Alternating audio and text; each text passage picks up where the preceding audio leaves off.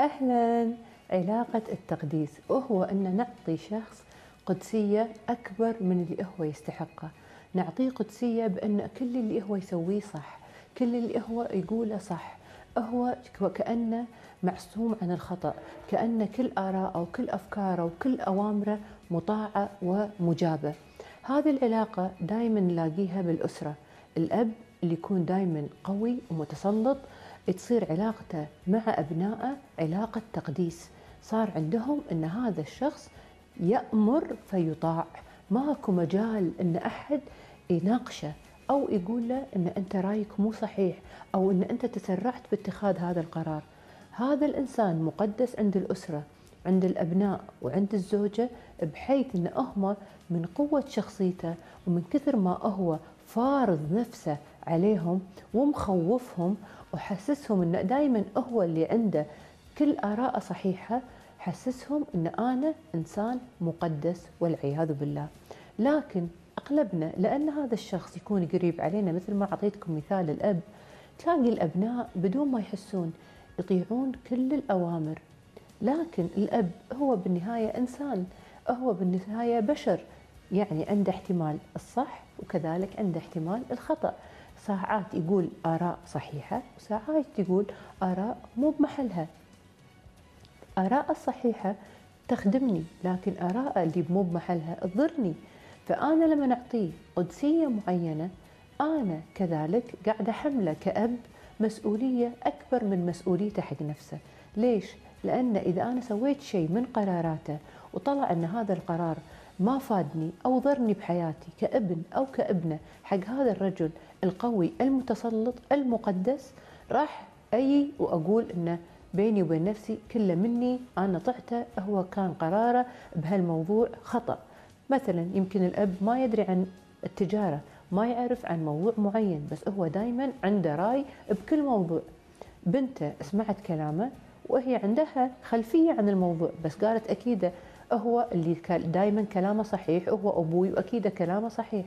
لكن انصدمت على أرض الواقع أنها لما نفذت اللي طالبة منها طلع أنه هو خطأ وطلع أن هي ما استفادت منه.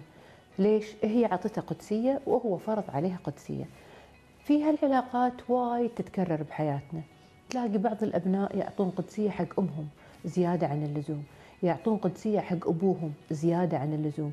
لأن هم اللي مسؤولين عنه.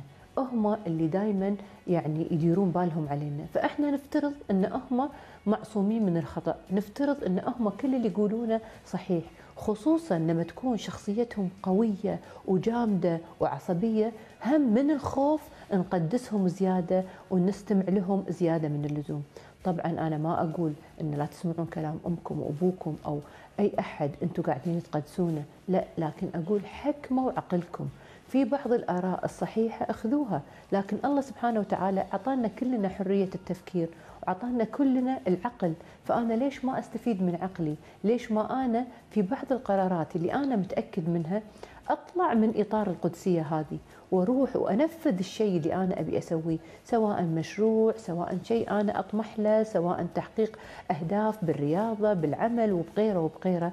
إذا هذا شغفي هذا شيء أنا أحبه هذا شيء أنا يطورني إلى الأفضل ليش آخذ رأي أحد يعني الأشخاص اللي أنا أقدسهم وكأنه هو اللي كلامه صحيح وكلامه ما يحتمل الخطأ؟ لأن بعدين الضرر من أني أنا سمعت كلامه وسويت كل اللي هو يبي راح يقع علي أنا ما راح يقع عليه هو. فدائما انتبهوا في علاقة التقديس منو أنا قاعد أقدس؟ منو دار مداري أنا قاعد أقدسه؟ هل أنا قاعد أقدس صديقتي؟ هل أنا قاعد أقدس أمي؟ هل أنا قاعد أقدس أبوي؟ هل أنا قاعد أقدس زوجي؟ زيادة من اللزوم أو أنا قاعد أقدس أبنائي وأخذ رأيهم زيادة من اللزوم. إحنا كلنا بالنهاية بشر وكلنا ما نستحق التقديس. تعاملوا مع بعض بالتوازن تعاملوا مع بعض بالاحترام وبالحب. آخذ رأيك عجبني أطبقه ما عجبني ما أطبقه لكن ما أقدس ولا أحد.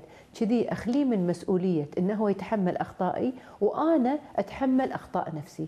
لا تقدسون أحد خلي علاقتكم دائما متوازنة مع أنفسكم مع الآخرين. وإذا عندكم شيء أنتم مقتنعين فيه وحابينه سووه بدون ما تأخذون آراء الآخرين وبعدين تندمون أن أنتم ما تبعتوا قلبكم واتبعتوا فكركم. ابتعدوا عن التقديس وكونوا دائما متوازنين. وإن شاء الله تكونوا استفدتوا